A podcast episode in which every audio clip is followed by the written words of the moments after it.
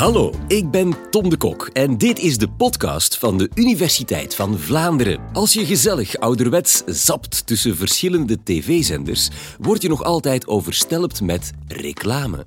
En in die filmpjes kan je een vaak terugkerende rol ontdekken, die van de jonge, schaars geklede vrouw met zwoele blik. Is zoiets wel nog van deze tijd? En mogen die vrouwen niet wat meer kleren dragen? Is er iets mis met sexy vrouwen in reclame? Ik vraag het aan professor mediastudies Sophie van Bouwel. Dit is de Universiteit van Vlaanderen.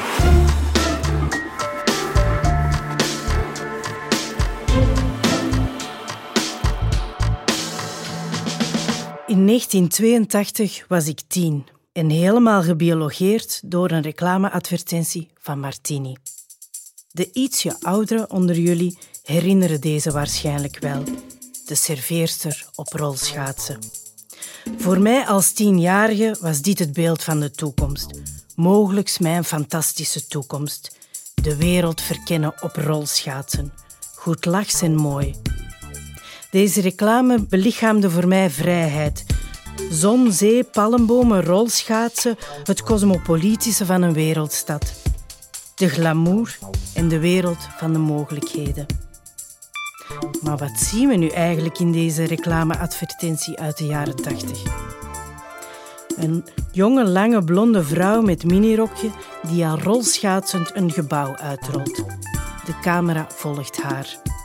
De jonge vrouw rolt door de straten van L.A.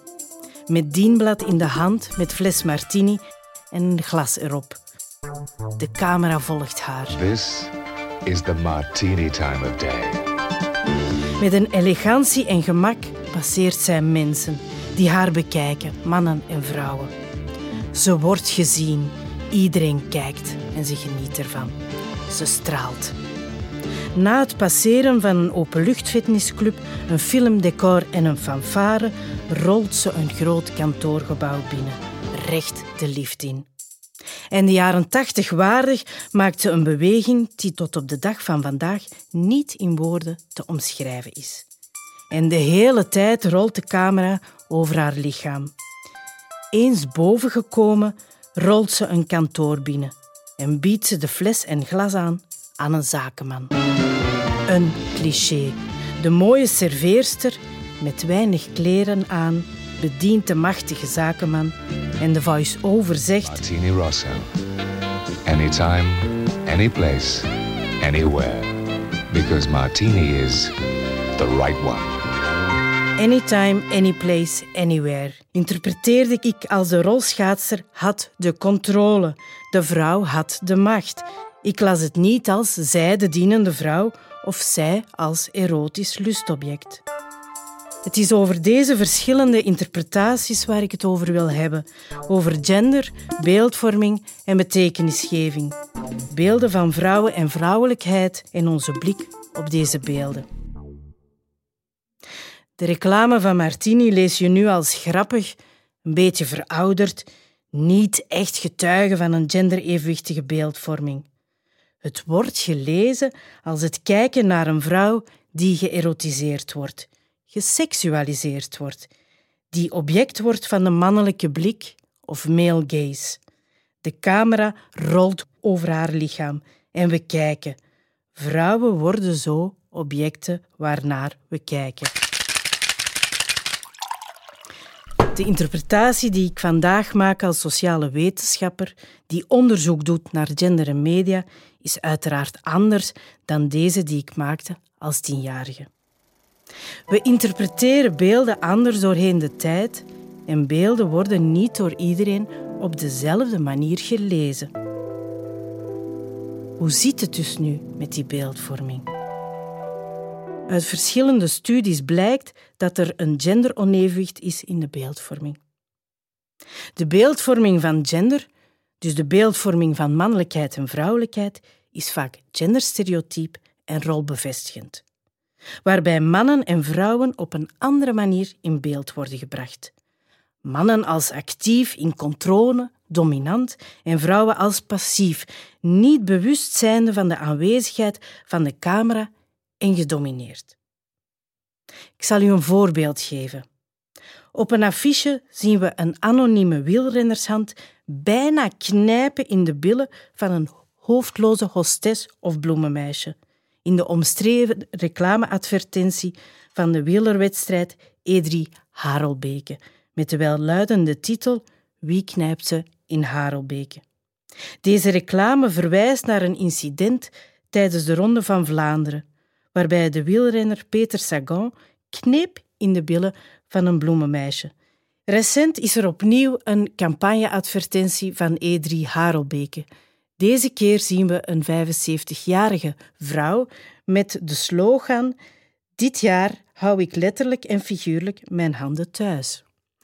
Moet dit gelezen worden als een knipoog naar een effectief gebeurd incident of als seksistische reclame?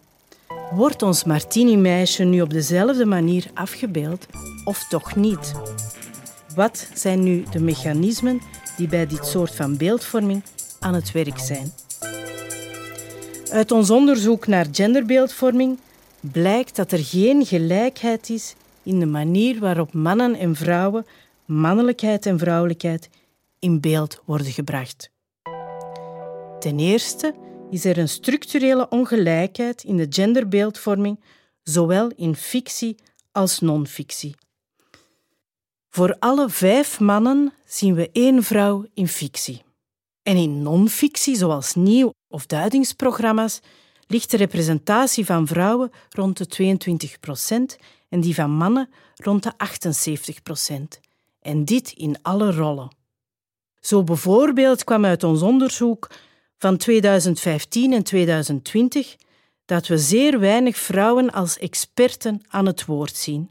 Of we zien ze in stereotype rollen, zoals ons Martini-meisje, de serverende vrouw, ten opzichte of tegenover de machtige zakenman.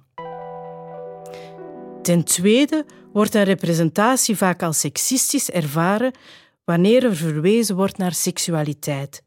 En vooral naar de ongelijke manier waarop vrouwen en mannen in relatie tot die seksualiteit worden afgebeeld. Denk hier aan het voorbeeld Wie knijpt ze in Harelbeke? In de hedendaagse beeldcultuur zijn er drie mechanismen die aan het werk zijn die de structurele ongelijkheid in de genderbeeldvorming in de hand werken. Objectificatie, seksualisering en pornificatie. Ten eerste, het mechanisme van de objectificatie.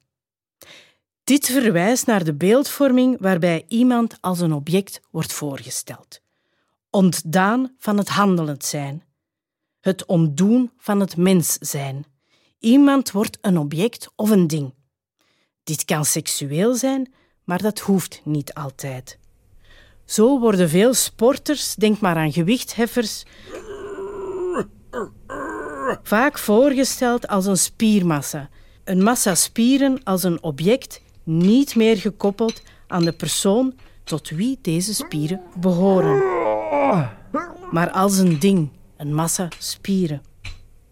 Deze beelden zijn meestal niet geseksualiseerd. Voor vrouwen is dat vaak anders. Vrouwen worden als een object voorgesteld, maar veel meer dan mannen als een geseksualiseerd object. Ten tweede, seksualisering. Seksualisering verwijst naar het mechanisme waarbij alles tot een seksueel iets wordt herleid, tot een seksueel object. Iemand wordt voorgesteld als een object van seksueel verlangen. De persoon die wordt afgebeeld dient uitsluitend het erotische of seksueel genot van de kijker en wordt zo gereduceerd tot enkel de seksuele aantrekkelijkheid. Vaak wordt een personage eerder passief in beeld gebracht, waarbij dat ene kenmerk, zijnde de seksuele aantrekkelijkheid, het enige kenmerk is dat in beeld wordt gebracht. De persoon wordt vaak gefragmenteerd afgebeeld. Dat wil zeggen dat we maar delen van het lichaam in beeld zien. Zo bijvoorbeeld zien we een lichaam van een vrouw die ligt te slapen met geen of weinig kleren aan. En we zien haar hoofd niet en komen borsten en billen uitvergroot in beeld. Wanneer we toch haar hoofd zien, zijn haar ogen vaak gesloten en straalt ze extase uit. Het derde mechanisme is pornificatie. Dit is niet hetzelfde als seksualisering. Pornificatie gaat over de integratie van pornografische codes in de populaire beeldcultuur. Dus filmtaal uit de pornofilms wordt overgenomen in de beeldcultuur.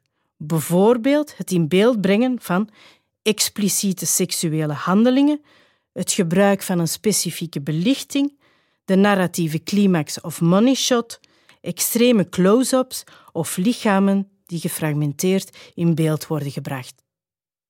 Zoals in een aantal reclameadvertenties van American Apparel, een Amerikaans kledingsmerk die een pornoster gebruikte in hun reclame met een duidelijke verwijzing naar pornografie. Een naakt gefragmenteerd lichaam van een vrouw in suggestieve pose met direct en frontaal licht. And it's a famous look.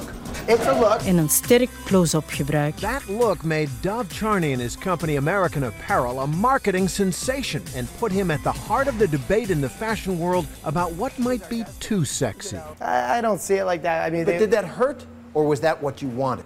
no, it hurt a little bit because it was silly. Een mannelijke versie met een mannelijke pornoster bestaat niet. Het is juist dit onevenwicht en de manier waarop het verbeeld wordt dat wordt gelinkt aan seksisme. See, my view of America, it's life, liberty, property, pursuit of happiness for every man worldwide. That's my America.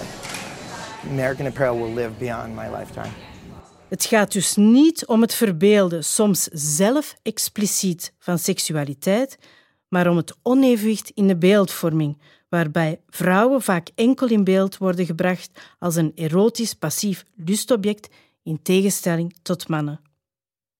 Zowel bij seksualisering als pornificatie zien we zeer stereotype genderrollen. Meestal een heteroseksuele setting, een passieve vrouw en een handelende actieve man. En het cameraperspectief is een mannelijk perspectief of male gaze. En bijna altijd heeft de vrouw beduidend minder kleren aan dan de man. Meer nog, soms zien we de link die gemaakt wordt met geweld, waarbij er een erotisering van geweld aanwezig is en een ongelijk machtsevenwicht tussen de geslachten te zien is. Zoals in het voorbeeld van de reclame Wie knijpt ze in Harelbeke, waarbij men uiteindelijk een veroordeling heeft gekregen omwille van de link met ongewenst gedrag.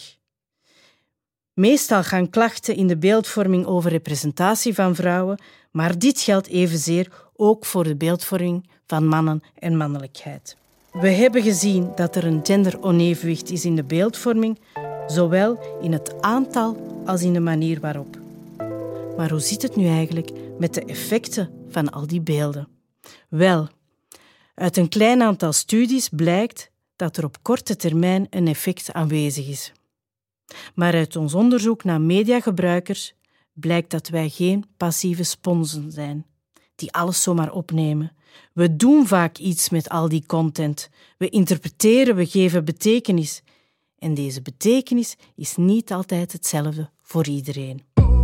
Uit ons onderzoek blijkt bovendien dat jongeren vaak wel een kritische blik hebben en in staat zijn beelden kritisch te analyseren en te interpreteren. Seven days a week. Ass. Velen onder ons lezen bijvoorbeeld de videoclip WAP van Cardi B als slechte smaak en mogelijk als een seksistische representatie, omdat we de vrouwen die in deze videoclip te zien zijn niet meer zijn dan trillend vlees.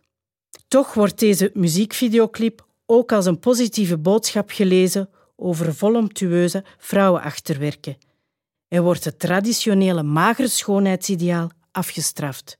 Verder wordt het door jonge vrouwen gelezen als een positieve boodschap over vrouwelijke seksualiteit. I don't cook, I don't clean, but let me tell you, I got this ring. Tegelijkertijd zien we bijna niets anders dan gefragmenteerde vrouwenlichamen die als exotische schone twerken. Is dit een stereotyp beeld? Ik denk het wel. Is dit een voorbeeld van pornificatie? Volgens mij wel. Is deze videoclip seksistisch?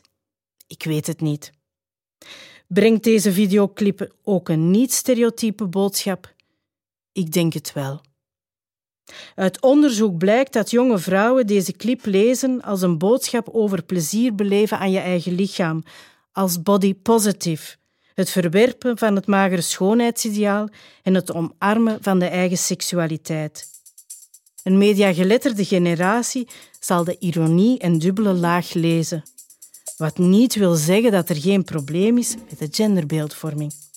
Sleutel tot dit kluwen is het praten met jongeren over beelden. Leer ze kritisch kijken naar al die beelden. Leer ze over stereotypering en structurele genderongelijkheid in beeldvorming. Ik vind persoonlijk die trillende billen niet echt getuigen van goede smaak. Maar ik hoef die representatie niet mooi of opwindend te vinden. Ik hoef mij niet paternalistisch op te stellen naar jongeren die wel graag naar deze beelden kijken en mogelijk een andere interpretatie geven. Leer ze kritisch kijken. Misschien zien de jongeren van vandaag alleen maar de mogelijkheden. Een fantastische toekomst en empowerment in al dat trillend vlees. Net zoals mijn halfnaakt martini-meisje. Schitterend. Dankjewel, Sophie.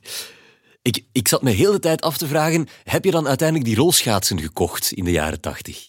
Ja, ik had zo van die disco-rolschaatsen. dat is er wel van gekomen. Wat ik daar opvallend aan vind is... Um, ja, jij keek als jong meisje niet um, met, met de bril van eh, pornificatie en seksualisering naar het meisje. Jij keek op naar het rolschaatsende meisje.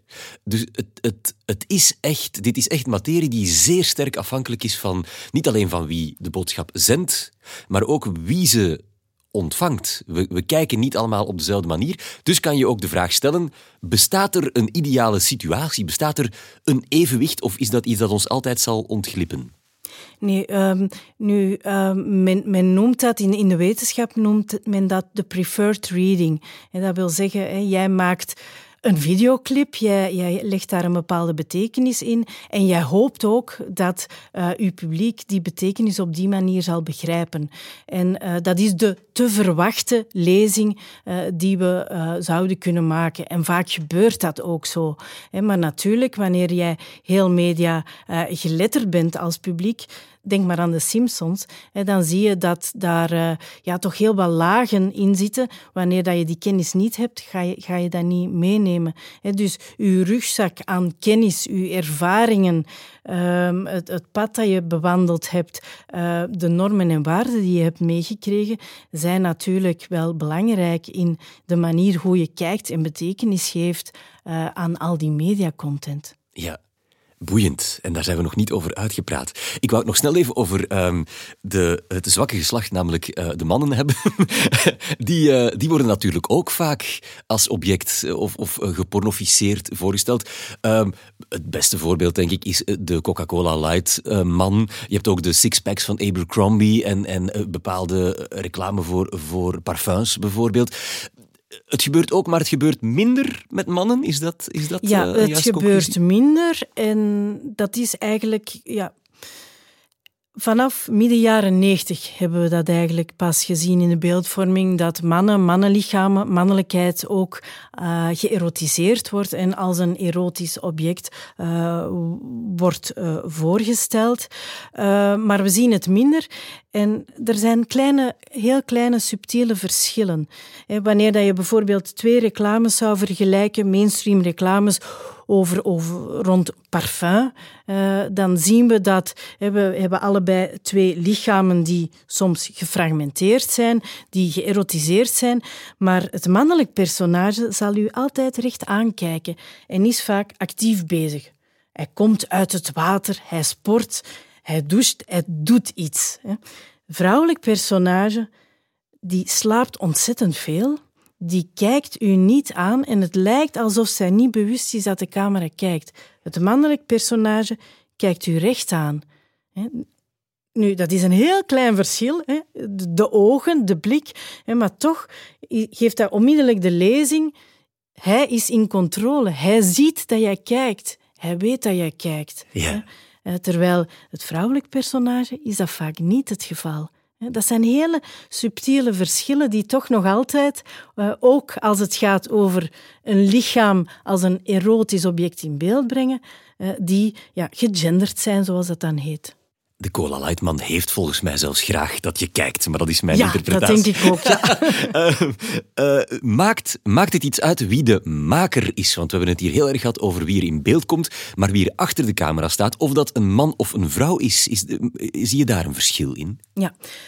Um, op zich is het wel belangrijk wie het maakt, maar het maakt niet uit of het een man of een vrouw is. Dus dat wil niet zeggen, omdat je een man een reclameboodschap maakt, dat dat überhaupt uh, een beeld zal zijn waar dat een vrouwelijk lichaam uh, wordt geseksualiseerd. Vrouwen maken zich daar ook schuldig aan als absoluut. Absoluut, Maar wanneer uh, iemand een beeld maakt die... Um, ja, kennis heeft van beeldvorming, uh, die probeert een inclusieve beeldvorming te maken, die bewust is van de gegenderdheid van die beeldvorming, zal natuurlijk daar wel op letten. En zal bijvoorbeeld, wanneer men voor parfum een reclame gaat maken en um, ja, gaan voorstellen, laat ons die vrouw actief maken, laat ons die vrouw uh, u recht als kijker aankijken.